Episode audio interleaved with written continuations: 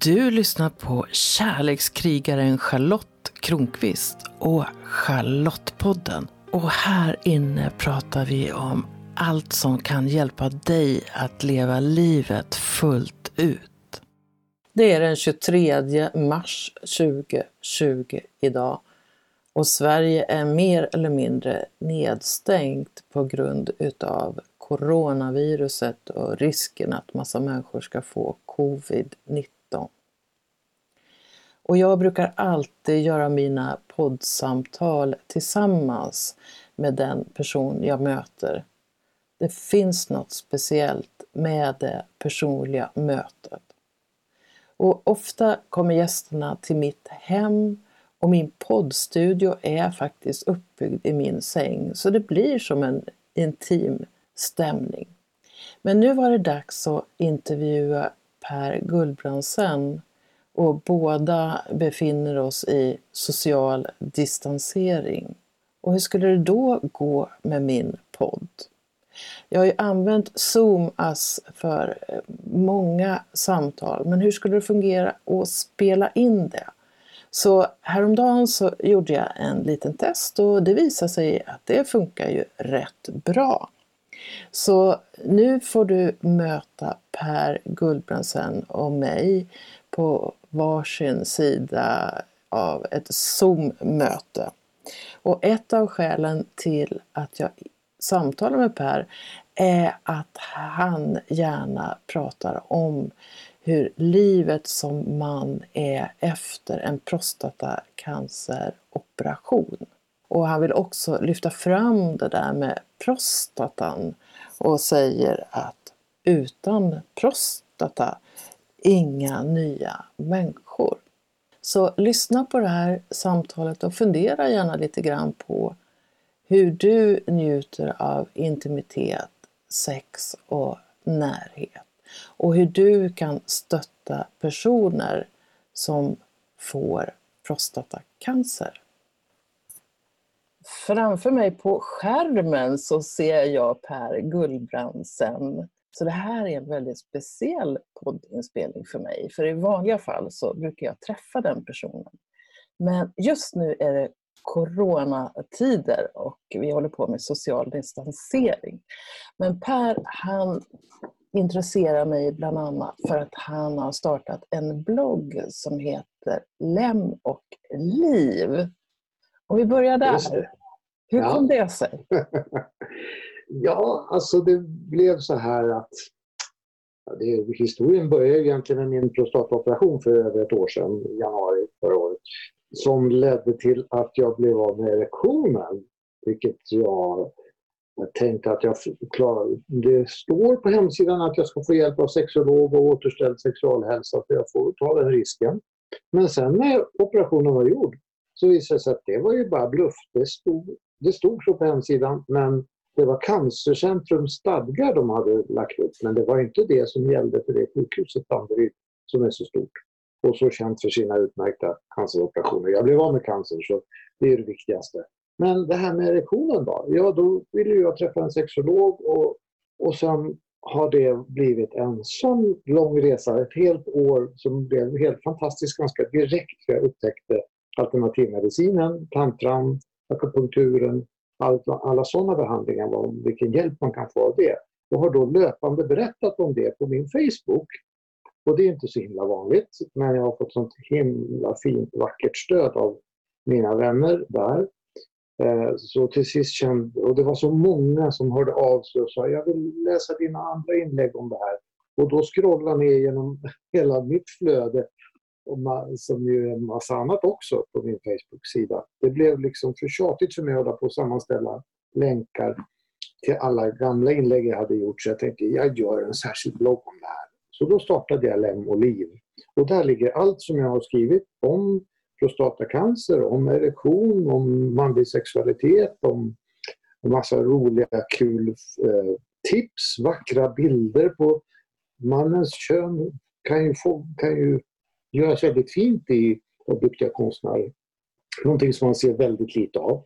Oftast är det ju nakna damer när det handlar om konst, men det vill jag också se till att man kan liksom väga upp det här så att det kan bli något fint och lustfyllt med även när man har erektil dysfunktion som det heter när man inte har erektionen kvar. Och, och sen också ge hopp om alla de möjligheter som det faktiskt finns att kunna återskapa de här erektionsnerverna som har skurits av på mig då. Kanske helt i onödan bara för att de inte vet var nerverna går. Så det är storyn bakom Lem och Liv. Jag tänker vi kommer säkert återkomma till det, men jag tänker vem var du då innan du fick ditt cancerbesked? Och hur... Vem jag var? Jag var en, och är en man som har varit gift med samma, eller i alla fall levt tillsammans med samma kvinna i 40 år. Fast anställning på Sveriges Radio sedan sent 80-tal. Jobbat som både nyhetsreporter under många år men senare också i 15-16 år som musikproducent på P2. Där jag egentligen började min frilansbana en gång i tiden. Så jag har liksom hela det här spektrat, musiken, nyhetsbevakning, alltid varit intresserad av sex och eh, alltid varit sur på att det är så nymoralistisk tid vi lever i. Så det bidrar också till att jag vågar starta den här sajten. Och jag är trött på att män aldrig vågar prata om sin egen sexualitet och upplevelser. Att man aldrig berättar om att man har problem med erektionen till exempel. Vi måste börja snacka om det här. Och det är ju den vanligaste cancerformen idag i Sverige är prostatacancer. Eh, 10 000 män får diagnosen varje år. Så det, vi, må, vi, måste ta upp det till ytan och våga börja prata om det och sluta skämmas. Det här är inget att skämmas för. Sjukvården kan skämmas som skär av erektionsnerverna men jag tänker inte skämmas. Jag har väldigt roligt att träffa underbara människor som försöker hjälpa mig med det här. Det jag blir nyfiken på är också om du hade börjat liksom titta inåt innan det här hände. Inåt? Hur tänker du då? Jo, jag tänker så att nu, nu, har, nu har du kommit i kontakt med tantra och andra former av ja. medicin och så. Alltså var du mer eh, vanlig tidigare? Var du mer ja, i det ja, vanliga spåret? Alltså, var, var... Ja, absolut. Det här är en revolution i mitt liv, det kan man säga. Jag kanske alltid haft en lite flummig läggning. Jag var med i hippierörelsen på den tiden. Jag är ju 67 och känt, alltid känt mig hemma i, i asiatiska kärleksläror. Vi körde med Tao redan på 80-talet och, och så. så det, på det viset är det ju inte det var inte främmande för mig att gå in i tantravärlden men jag visste inte att den fanns och att den var så fantastiskt rik och stor och välkomnande och kunde hjälpa mig så fint. Det var fantastiskt och den har gjort mig till en mycket lugnare och gladare människa tycker jag, som är mer närvarande i nuet än vad jag var för. Mer tantrisk, som det heter. Ja men precis, det är ju det är sånt jag praktiserar mycket också. Det här ja. med närvaro. Och jag har mm, intresserat mig för vad, vad, som finns där inne i ungefär 20 år. Och ja. min, jag hade ju en kris och det var att mitt liv inte fungerade. Och så började jag liksom, vad, vad är meningen med det här och vem är jag? var den fråga som mm. jag ställde mig. Jag kom på att jag hade spelat mm. teater. Alltså mm. spelat en som andra skulle kunna gilla och så började jag söka för svaret på vem är jag? Och då kommer man snabbt till meditation, närvaro och även då för tantra för, för ja. min del. Jag kommer på att kroppen är ju härlig. Det är inte bara, är inte bara huvudfotingar. Mitt grundyrke är ju liksom ditt, journalist, och då handlar det ju om att tänka snabbt och smart och och så. Men det är inte bara det som räknas. Så det är rätt härligt att komma på att livet är mer än det som finns i huvudet. Jag älskar Lisa Björling, en tantraterapeut i Uppsala, som var med i ett, en annan podd som jag hörde. Hon sa någonting så fint. Hon sa så här, vi är väl inte human doings, vi är ju human beings. Det tyckte jag som kom. Ja, det låter fint. Lisa är en härlig, härlig person. Men det här, eh, du, du, du nämner skammen så här i förbigående. Och ja, då nej, den är på... monumental. Men det är bara det att jag är för dum för att förstå att jag ska skämmas. Jag tycker inte jag behöver skämmas för det här. Jag hade ju full erektion fram tills operationen, det vill säga det är sjukvården som har förstört det här. Och även om jag inte hade det tycker jag ändå inte det skulle vara något att skämmas för utan någonting vi pratar om. Vi åldras ju alla. Mm. Och idag är den vanligaste patienten eller klienten hos en sexolog har jag fått höra från flera olika håll är en man i 25 till 35 års ålder. som sitter i soffan och är ledsen för att eh, erektionen sviktar. Så det här måste vi snacka om. Jag kommer du ihåg ditt första inlägg? Och hur det kändes? Ja, det, att, att, eh, det är den vackraste och mest underbara tråd jag någonsin har fått på Facebook. När jag berättade första gången. Det var så fantastiskt. Jag visste ju inte, det var jättepirrigt att lägga upp det. Men jag berättade om de första tantrabehandlingarna jag hade gått då och vad de gjorde med mig. Och hur jag kunde fysiskt förnimma att de avskurna nervtrådarna började söka sig till varandra efteråt i flera dygn efter en riktigt bra tantrabehandling ger den effekten. Jag förstår inte, än idag, efter över ett, över ett år, så förstår jag fortfarande inte hur de här massörerna och terapeuterna gör. Jag fattar inte vad det är som gör att det blir så fin effekt. Och jag fick så fantastiskt stöd och det som var så viktigt också är att jag fick så mycket stöd av kvinnor. Det var liksom inte bara män som stöttade utan det var lika många kvinnor. Och då kände jag att det här är ju någonting viktigt och alla skrev åh vad skönt att någon pratar om det här. Åh, väl, välkommen, tack, berätta mera, fortsätt rapportera liksom. Så det är klart, då gör man ju det. Eftersom jag tänker väldigt mycket på det här, det har präglat det här gångna året väldigt mycket i mitt liv. Så jag blev samma veva gick jag i pension så jag har kunnat ha haft tid med det här och haft råd. Den här skammen, det finns ju flera nivåer på den. Dels så kan, kan människor kanske skämmas över att kroppen inte fungerar som tidigare. Men mm. dels att det är skammen, vad, vad ska andra tänka för någonting? Vad, vad, vad tror du är den, det viktigaste skammandet kring eh, potensproblem vad ska andra tänka? Ja, vad ska andra tänka tror jag. Det har blivit någonting som man förknippar med gamla farbröder men det läskiga nu är ju att sjukdomen kryper ner i åldrarna. Det är allt yngre som får det. Och det är som att det pågår någon sorts massiv attack mot våra eh, livgivande organ, våra befruktningsorgan. Bröstcancer är den näst starkaste, eller största cancerformen i Sverige idag. Livmodercancer eh, blir allt fler som drabbas av. Det, det är som att hela kemikaliesamhället attackerar oss på just det känsligaste vi har, nämligen förmågan att bli flera. Det är otäckt det här så att eh, jag vet att skammen finns och jag har ju fått så många eh, män främst, men även kvinnor som har hört av sig till mig i hemlighet. Du vet på mail, de har ringt, de har skickat postat sms, messenger och så vidare och berättat sina berättelser. Så jag får som hela tiden ny kunskap. Varenda händelse, varenda sån här, sånt här fall, varenda person som drabbas av det här har en unik egen historia. Det finns inte två berättelser som liknar varandra. Och det har ju berikat mig. Min, jag har fått kunskap om det här som jag också har kunnat dela med mig på bloggen av. Att det är så många som hör av sig. Men alla som hör av sig säger du får inte berätta för någon annan. Jag, att jag är drabbad? Att, att han då är drabbad. Eller att hennes man är drabbad. Eller hans partner är drabbad. Det finns det också. Utan, och det lovar jag alltid. Jag garanterar full diskretion. Men för mig är det så värdefullt dels att jag kan stötta dem och hjälpa dem och kanske förhoppningsvis ge något bra tips och lite hopp. Men också att jag lär mig mer om det här hela tiden så att jag kan rapportera bättre på Lem och liv. För det är ingen annan som rapporterar om det här utifrån patientperspektivet. Den drabbade personen som inte har gett upp. Min kirurg säger du ska veta att du är väldigt ovanlig, de flesta bara ger upp, säger han. Och vad är det för... Så kan vi väl inte ha det? Vi måste ju fortsätta ha lust till livet, känner jag. Men ge upp... Eh, alltså på, på erektionen, sexlivet så som det var.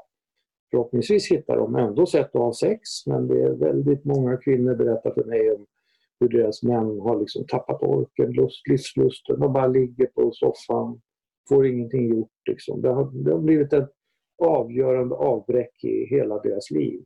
Bara detta att erektionen försvinner efter operationen. Jag tänker också att eh, när det gäller mäns sexualitet så är det ju så mycket som är fokuserat just kring erektionen, ja, förmågan att ha stånd och förmågan att mm. vara viril och, eh, och så.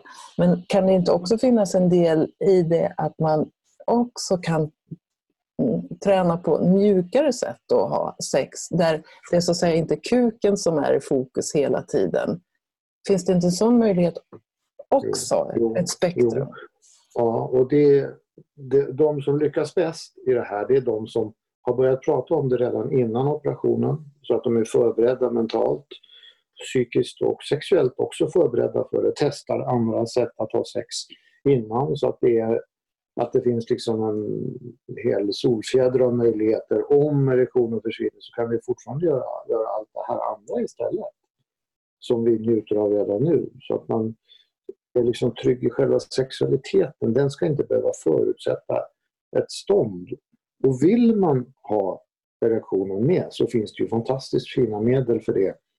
Men då inte ta piller, för det kan vara ganska farligt, utan det är de här Eh, injektionsnålarna och små sprutorna som man kan sätta direkt i penis. Då kan man ju fortfarande ha stånd, vilket är en underbar upplevelse. Det kan jag ju rekommendera verkligen för de som är i den här situationen. Njut av det, skaffa dem. De kostar en hundring per spruta. Eller det finns också, man behöver inte ha spruta med nål, det finns också en, en funktion där man bara sprutar ner lite salva i urinröret. Det låter läskigt, det är inte ett dugg svårt, det gör inget ont. När man väl gjort det första gången så gör man det lätt hur många gånger som helst. Man kan fortfarande få, ha erektioner men då bygger det på att man förbereder sig den stunden. Sen har man ett mer eller mindre hårt stånd i en timme eller två efter det. Det är ju mer än de flesta karlar har av sig själva. och sen är det ju inte bara vi som blir prostataopererade och bestrålade som får problem med det. Det är många som blir, när de blir över 60 ändå sviktar eller redan i 50-årsåldern. Så då är det här underbara mediciner som dessutom täcks av högkostnadsskyddet. Så Men det är bara att hitta en bra läkare som inte har sexskräck. Tyvärr finns det uppenbarligen väldigt många läkare som har det enligt de berättelser jag får. Men byt, byt till en bra husläkare som, är, som tycker om att prata om sex och fixar det sig. Det har jag gjort. Det här med att undvika piller, varför säger du det? Jo, därför att, eh, dels för att jag själv har fått så extrema biverkningar. Alltså det finns inte. Alltså, en huvudvärk som kan pågå i dagar med ett visst illamående eh, beroende på vilka piller vi pratar om. Det finns flera, tre, tre olika grundämnen som finns i de här pillerna. Men eh, en som heter eh, Cialis fick jag eh, för första gången i mitt liv extrem ischias i båda benen som pågick i två dygn. Du vet, så där. Det går inte att sova, man bara blir helt galen, man bara ligger och vrider och vänder på sig. Och det är känd, en känd biverkning. Jag fattar inte hur de pillren kan vara så dyra som de är och ändå rekommenderas av sjukvården istället för att de rekommenderar de här sprutorna. Mm. Dels är de dyra, man måste själva betala ur egen kassa för de här pillerna. De påverkar hela kroppen helt i onödan. Jag känner som hela skallen blir full av blod när jag tar sådana sån där, sån där sildenafilbaserad piller. Det känns helt fel. Det är inte där jag vill ha blod. Jag vill ha det i, i lingam som är det vackraste ordet för penis. Jag tycker det är mycket finare penis. Det är det indiska ordet. Um, och det får man ju direkt. Man, man, får ju blodet där det ska vara med de här sprutorna, injektionslösningarna. Så jag fattar inte varför inte jag fick lära mig det på sjukhuset. Varför ska jag behöva lära mig det till nästan ett år efteråt av en helt annan urolog. Och då är det dessutom högkostnadsskydd. Så när man har köpt tillräckligt många så är de gratis. Det är så mycket bättre. Sånt delar jag kunskap om, bland annat då på Lemody. Jag tycker det är viktigt. Och vad skulle du vilja liksom förmedla till sjukvården, de som behandlar personer som får prostatacancer? Punkt ett. Stå för att vi kommer att skära av erektionsnerver på dig. Och eh, berätta varför ni inte vet var de går. Hur, hur kan det vara en sån situation när man vet så mycket om människokroppen och kan mäta på minsta nerv var den går någonstans. Hur kan man inte väl veta exakt var de går och se vad man gör vid operationerna när vi har så högklassig teknik? Och jag blev ju opererad på en av de främsta klinikerna då tydligen i, i norra Europa vad jag förstår. Jättekända för sin operation. Och jag blev ju cancerfri, absolut. Men det här fixar de ju inte. Och kan det vara så att de behöver längre tid för operationerna för att rädda erektionsnerverna? Ja, men ge det då. Även om det kostar pengar. För det kostar samhället kanske oräkneliga miljoner och miljarder att ha alla dessa män som tappar livslusten, tappar kreativiteten, livsorken liksom. Många äktenskap och partnerskap kraschar folk går in i depression. Det finns massa exempel på män som tar livet av sig av det här. Det är jättedyrt för samhället. Se till att göra operationerna lite längre då så att ni räddar erektionsnerverna om det är så viktigt, vilket det är. Jag vet inte varför det är så viktigt. Det är en sån grundläggande del av hela livskänslan. Det är inte för att man alltid ska ha stånd just vid sex utan det, det är hela tiden en signal inne i ens egen kropp från ens egen lem att jag lever, jag mår bra. Liv, det är full livskänsla i den här människan. Liksom. Det är en sån underbar känsla att ha erektion. Den är så mycket rikare än det bara är sex. Liksom. Hur fick du impulsen då att pröva eh, någonting som inte var piller? Alltså, så här var det. Jag, jag fick det utskrivet av en läkare, jag kommer inte ihåg vilken av det var. Eh, en sån här, som inte är en nål utan en, den här som jag berättade om som man sprutar ner i urinröret. Men den stod i kylskåpet här i månader utan att jag vågade mig på det för jag tyckte det verkade läskigt. Tills jag träffade en fantastisk urolog som gav mig en ny behandlingsmetod som heter stötvågsbehandling. Eh, där man skickar in små, små, ja, det känns som elektriska ministötar. Dels runt roten på lingan och dels under ollonet och sen också underifrån, under pungen, den vägen Han hade jättefin apparat från Schweiz som kostade massor med hundratusentals kronor. Där han kunde se på millimetern så att han satte de här små stötvågorna på rätt ställe. Det är samma typ av apparat som man slår sönder njursten med, men man kör den på mycket lägre effekt. Man har då sett vid sådana här njurstensbehandlingar att, att kroppen skapar nya friska blodkärl i njurarna efteråt och stärker upp liksom njurarna. På samma sätt har man då förstått att det här borde ju gå att stärka upp erektionen eh, och Lingams uppbyggnad och erektionsvävnad efter operationer. Så det, det, är en ny metod som jag naturligtvis ville prova och gjorde. Det var sex behandlingar gånger 3000 sådana här små stick. Och eh, det slut, och då sa han, nu, nu sista gången så sa han, nu ska vi se om det här har fungerat. Eh, för då, nu kommer jag sätta en spruta på dig och om du får erektion av den, då har behandlingen fungerat. Om du inte får det så har den inte det. Och efter några minuter då så reste sig Lingham sådär vackert i min gynekologstol där jag låg. och då var det liksom bekräftat. Och när han satte den så kändes det överhuvudtaget inte. Jag fattar att varför har jag varit rädd för det här? Det märks ju inte ens. Man tål väldigt mycket. Det är en väldigt eh, smärttålig del på kroppen. Utom själva ollonet kan vara känsligt. Men själva så roten, hela övriga lingan är så himla tålig. Man kan dra och slita i den hur som helst. Och han satte den här sprutan utan att jag knappt märkte det. Då tänkte jag, men jag har tänkt fel, det här är ju fantastiskt. Så sen dess är det här min lösning då, de gånger man vill ha erektion. Men det här med tantra då? Ja, tantra är, är ju, den fina där är ju det här att få erektionsnerverna att väckas, vakna, börja sträva mot varandra.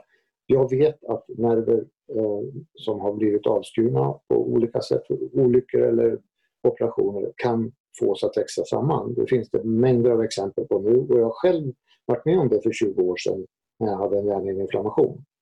Och då, då var ju hela yttre hjärnhinnan en enda blodig massa av ganglier och nervtrådar som hade tappat kontakten med varandra. Och fruktan, huvudvärk som inte går att beskriva, ett illamående dygnet runt, månad efter månad, vedervärdigt alltihopa. Men jag gav mig fasen på att jag skulle få den där nerven att växa upp igen. Och det lyckades jag med. Fast doktorerna sa du kommer aldrig tillbaka i jobb, du är förtidspensionär, 49 år gammal. I helsike! Jag ska jobba. Och jag blev frisk och kom tillbaka i tjänst tack vare att jag lyckades njuta ihop de här nervtrådarna. Och det kändes ju liksom, man kunde ju känna fysiskt hur, att det hände uppe i hjärnan. Liksom, efter bra, bra långa tantraliknande pass av musiklyssning i absolut mörker. Det var min metod. Och sen all, alla smekningar som jag fick över pannan av familjen. Båda de behandlingarna var grundläggande. Och sen motion förstås och, och hålla sig trim på andra sätt. Så att jag lyckades då, och därför har jag ett självförtroende i det här nu. Jag ska lyckas igen. Jag ska få de här nerverna också att växa ihop. Och nu säger ju då sexologer jag har varit hos, eh, min kontaktsköterska, min kirurg säger det kommer att kunna gå, du, har, du väljer rätt metod, vi, vi hejar på dig. Och För att inte tala om alla tantramassörer jag har varit hos som säger du anar inte hur många män som har kommit till oss och som har fått hjälp. Så att eh, det är klart att det kostar pengar att gå på de här behandlingarna men för de som har råd, gör det. De som inte har råd, håll på med sex så mycket ni bara kan, även om ni inte har erektion. För efter egen sex och, med sin partner så kan det här också hända lika vackert att man känner hur det sticker och liksom små hugger, små smärtsensationer som pågår intermittent men till och från, kanske i flera dagar efter en skön, skön sexupplevelse. Så tantra är ju inte sex, det är ju någonting annat. Det är ju en, en massageteknik och en, en terapi som öppnar upp människan på något märkligt sätt och får liksom flödena, sätter igång flödena. Både de mentala och kroppsliga flödena på ett så fantastiskt sätt. Och det är det som behövs här också. Det behövs att blodflödena är obehindrade förbi bäckenbotten. Så jag är så tacksam för att ha upptäckt det. Och alla underbara personer som man får träffa. Om du tänker på hur ditt sexliv var, kan man säga innan du började bli sjuk då?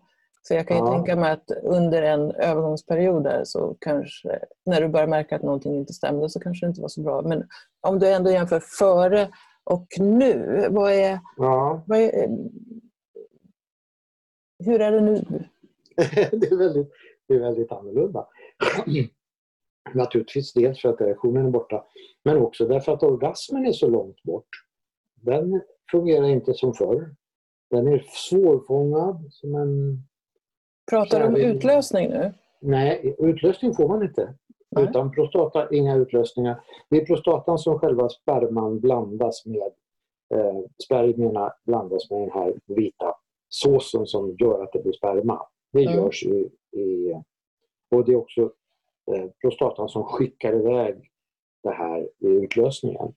Idag får jag bara, och alla med mig som inte har prostatan kvar, får bara torra orgasmer. Mm. Men det underbara är att själva orgasmen satt inte i den här lilla körteln prostatan är ju inte större än en vanlig.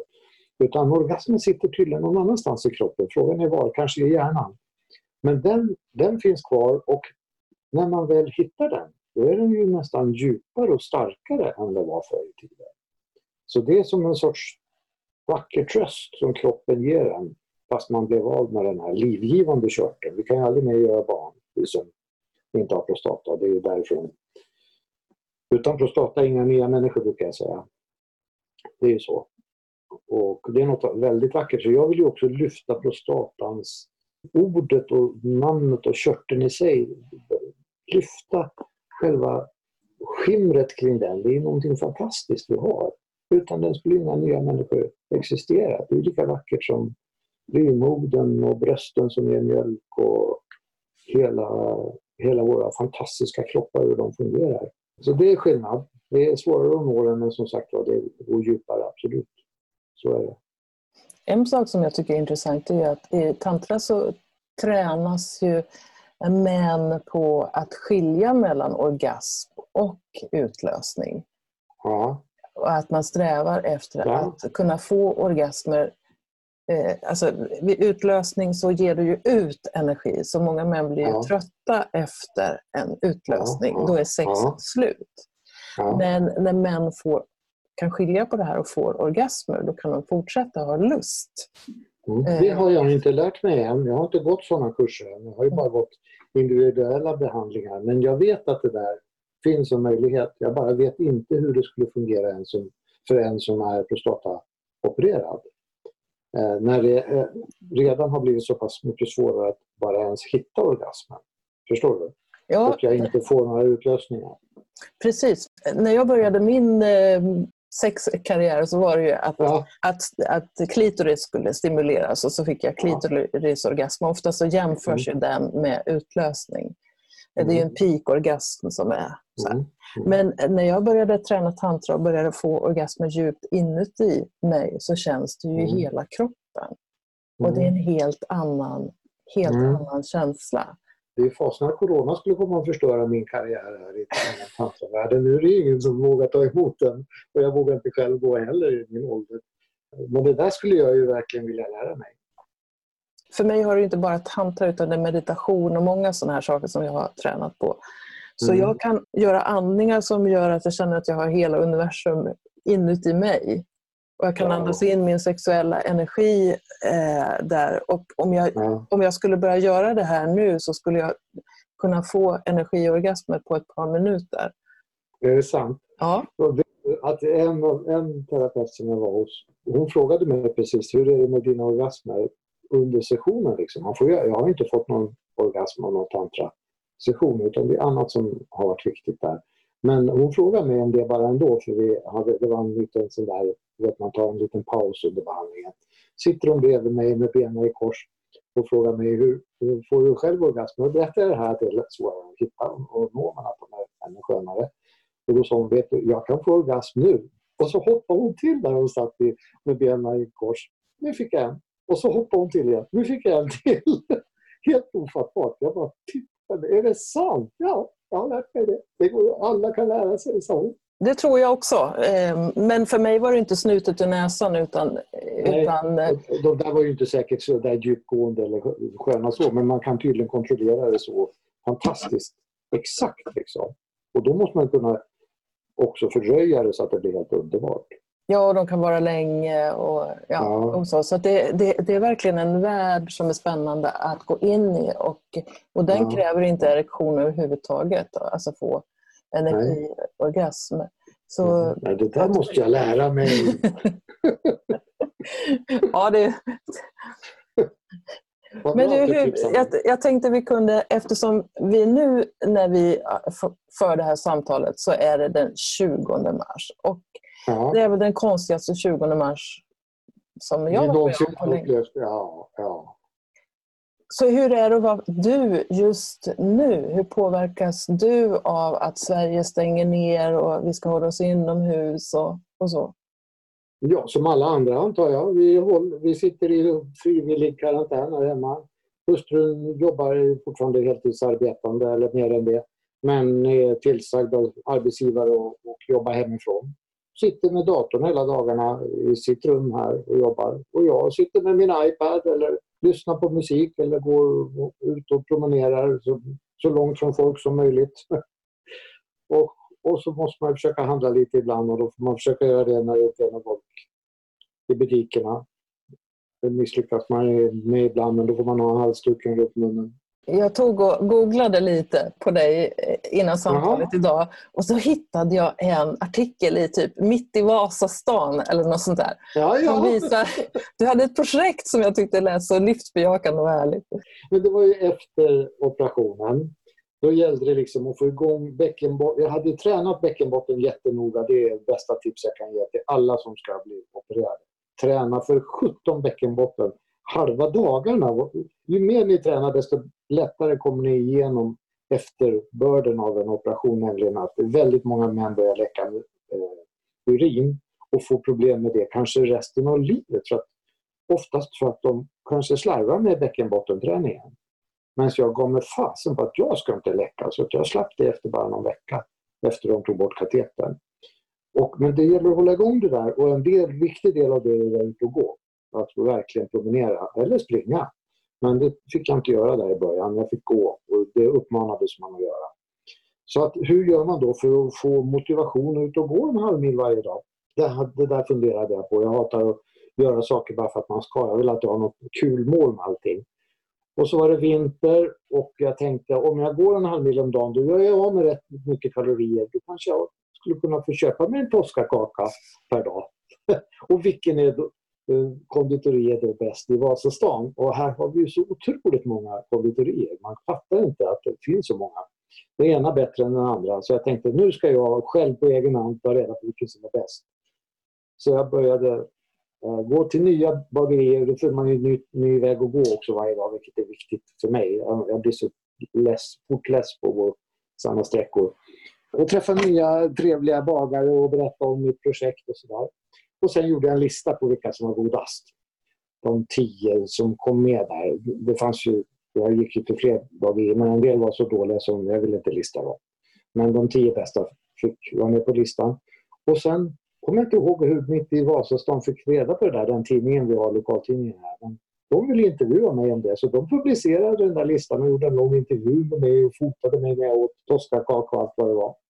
Och allt detta bara för att jag redan från början förstod att ska jag få tillbaka erektionen, då måste jag ha min kropp i trim, blodflödena måste funka, jag måste ut och gå varje dag.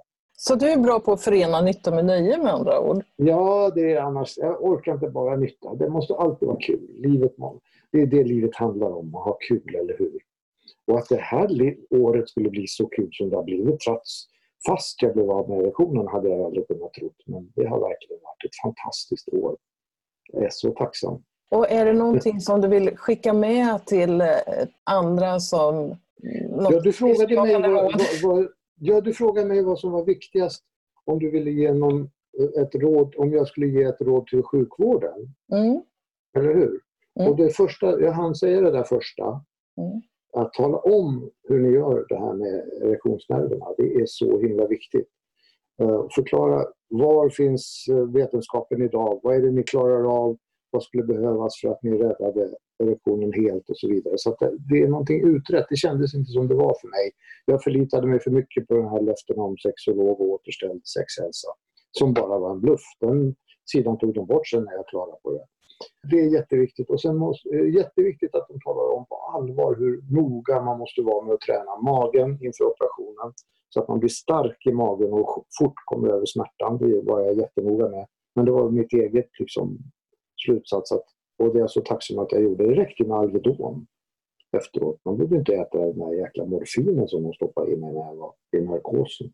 Och, så, och också uppmana bäckenbottenträning. Hur viktigt är inte det alltså? Att, att de noga med förklarar det där. Och sen min tredje och idag nästan viktigaste kritik. Visa för sjutton hur man sätter de här sprutorna, injektionslösningarna, i lingan Håll inte på och tjata om de där äckliga pillren som bara ger en massa biverkningar och påverkar hela kroppen. Men inte ger erektion, inte mig i alla fall. Men det blir jättefin erektion av de här injektionslösningarna. De där tre sakerna vill jag skicka iväg till sjukvården faktiskt. Då tackar jag dig så hemskt mycket, eller hemskt mycket, men så härligt mycket att eh, du ville vara med här i Charlottepodden och prata om något så viktigt. Och eh, Eh, jag ser fram emot att den här coronaepidemin går över så att du kan fortsätta och utforska tantra på ditt sätt. Ja, tack ska du ha. Det var jättekul att prata med dig. Ja, som gammal reporter så har Per Gullbrandsen många idéer om hur sjukvården skulle kunna möta personer som ska få eller har genomgått en prostatabehandling. Bra där Per! När det här avsnittet spelas in så råder ju social distansering. Och om det fortfarande råder när du lyssnar på det här programmet så ska du veta följande.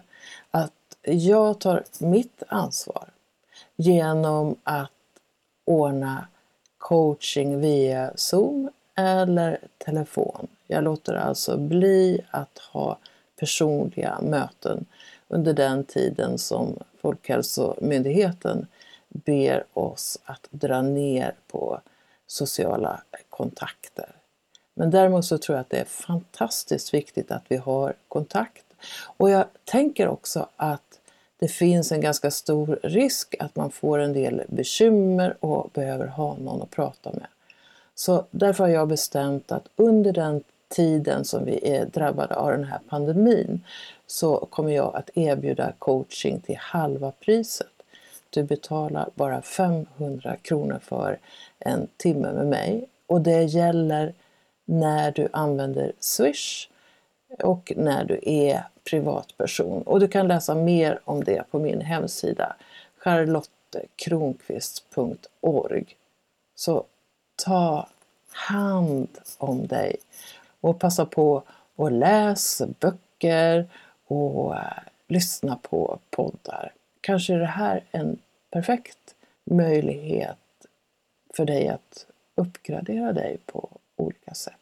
Kom ihåg att prenumerera på Charlottepodden så att du är med när nya avsnitt kommer. För vem vet vad du kan få lära dig om livet i det avsnittet? Rekommendera gärna podden till en vän så är du med och sprider vetskap om att den här podden finns och berätta vad den ger just dig.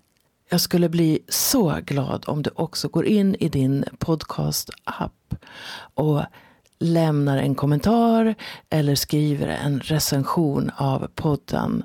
Ju fler som gillar podden öppet, desto fler kommer också att hitta den.